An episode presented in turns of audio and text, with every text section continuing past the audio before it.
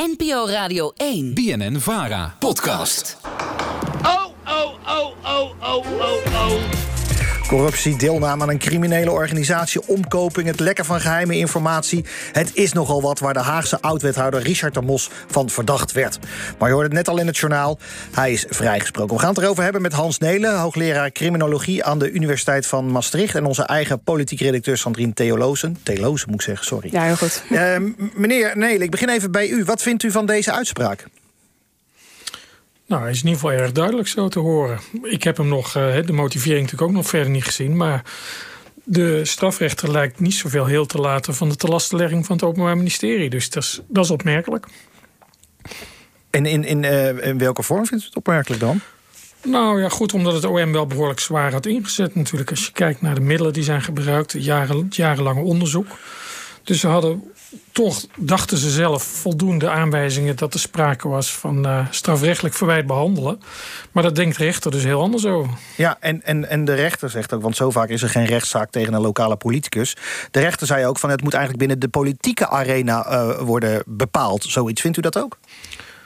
Nou ja, het laat wel zien dat natuurlijk een zaak in het strafrecht is wel een hele andere zaak dan, laten we zeggen, inderdaad in de gemeentepolitiek. Daar gelden iets andere regels. Bij een strafzaak moet je toch, ja, is de bewijslast heel zwaar om te bepalen of er sprake is echt van corruptie, criminele organisatie. Dat is niet niks. Maar een discussie over integriteit in de gemeentepolitiek is wel een iets andere. En daar kun je misschien wel wat andere eisen stellen aan de betrokkenen. Kijk, we gaan er verder over praten, Sandrine. Uh, jij komt uit Den Haag. Jij weet ook hè, wat, dat ze houden van dit soort types toch in, jou, in jouw stad. Uh, en dit speelt al lang in Den Haag. Ja, ja nou, we hoorden net ook al een paar OOO. Nou, die zijn er niet voor niks.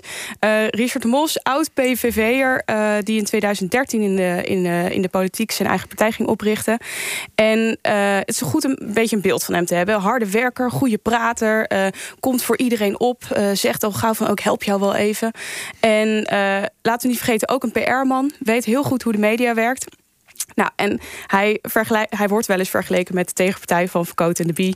Uh, geeft hij ook trots zelf toe dat hij daar uh, slogans van heeft overgenomen en zo. Dus dat vinden we in Den Haag natuurlijk ook mooi om te zien.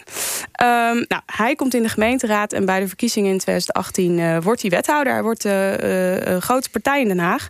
En nou, in, in die jaren komen ook de verdachtmakingen van vriendjespolitiek een beetje, een beetje los. Ja, maar vriendjespolitiek, vriendjespolitiek. Uiteindelijk komt hij dus op voor de ondernemers. Ja, ja nee, dat, dat, is, dat zegt hij zelf ook. En uh, de vraag die vandaag dan ook centraal stond: van kochten die ondernemers politieke invloed? Um, en er is ook al vaak gezegd van, van binnen die partij leeft een beetje de van je kan een, eh, een stapje harder werken voor betalende vrienden. Dat is toch niet zo erg. En ja, dat is een dunne lijn, zeg maar. En vandaag heeft de rechter dus geoordeeld dat de mos daar niet overheen is gegaan. Um, nou, en om even een beeld te krijgen, luister maar even hoe die ondernemers denken. Je hoort John van Zweden. Wat werden nou voor bedragen gegeven? Een ruggie, twee ruggies, tweeënhalve ruggies. Dat waren die bedragen gegeven. Wat, wat, waar heb je het nou eigenlijk allemaal over? Als je ziet wat er gebeurt bij die andere politieke partijen. Je ziet wat de VVD hier zo in de Haagse gemeenteraad heeft gekregen van de VVD uh, landelijk. Wat ze allemaal een reclamebudget en campagnes krijgen. Richard moet alles zelf doen. Alles zelf doen. Dan haalt hij het op en dan zeggen ze cliëntisme. Ja, wat moet hij dan? Wat moet hij dan? Meneer Nelen, ja, als u dit zo hoort, ja, en u heeft de zaak natuurlijk gevolgd, uh, de zaak de Mos. Ja, is het ook echt een dunne lijn van wat wel kan en wat niet kan? Ja, dat denk ik wel. Kijk, dit soort ondernemers is, is, zijn heel populair. Um, oh, ja, doordat ze dingen regelen. Dat ze, de Mos heeft het zelf over ombudspolitiek. Uh, en die naderen dan heel dicht de, de lokale ondernemer. Die kennen elkaar allemaal goed. Er zijn goede geoliede netwerken. De vraag is inderdaad: oké, is, is, het is niet verboden om, om, om geld te doneren in een partijkas. Maar als je elkaar zo dicht kent, als er stilzwijgend ook bepaalde afspraken onderling worden gemaakt. Uh, ja, goed, dan kan dat wel risico's met zich brengen dat je denkt: oei, oei, oei, hoe ver gaat die vriendjespolitiek en worden niet bepaalde mensen dan heel nadrukkelijk bevoordeeld? In strafrechtelijke zin heeft de rechter daarvan gezegd: nee, dat is niet zo dat er wel bepaalde risico's in dit soort eh, handelen zijn, dat, dat, is, dat is ook wel duidelijk. Dus in de hele integriteitsdiscussie denk ik dat dit nog wel een staartje gaat krijgen. Ja, uh, Sandrine, hij noemt het dus zelf uh, ombudspolitiek. Hoe keek hij naar deze rechtszaak? Nou, hij, was, uh, hij was heel erg overtuigd van zijn vrijspraak. Ik denk, nou, we hoorden net op het journaal dat hij ook huilend zijn statement net deed. Um, het Algemeen Dagblad maakt een podcast over deze zaak. Luister maar even hoe die erin stond. Iedereen die ieder, iemand kent, heeft voordeel of nadeel met iemand. Zo werkt het leven. Strafbaar. Ieder- Kan strafbaar zijn. Ja, ja, dat, dat, dat, dat ziet het OM zo. Het OM gaat bakcel halen, want er komt gewoon vrijspraak. Het hele leven werkt dat je mensen kent, dat je ideeën van mensen aanhoort, dat je goede ideeën van mensen overneemt. En als politicus luister je, kijk je en probeer je als volksvertegenwoordiger het goede te doen voor de stad.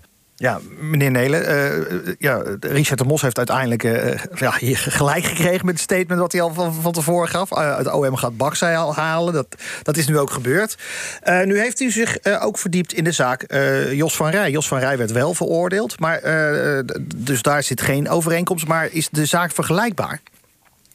Ja, dat denk ik zeker, ja.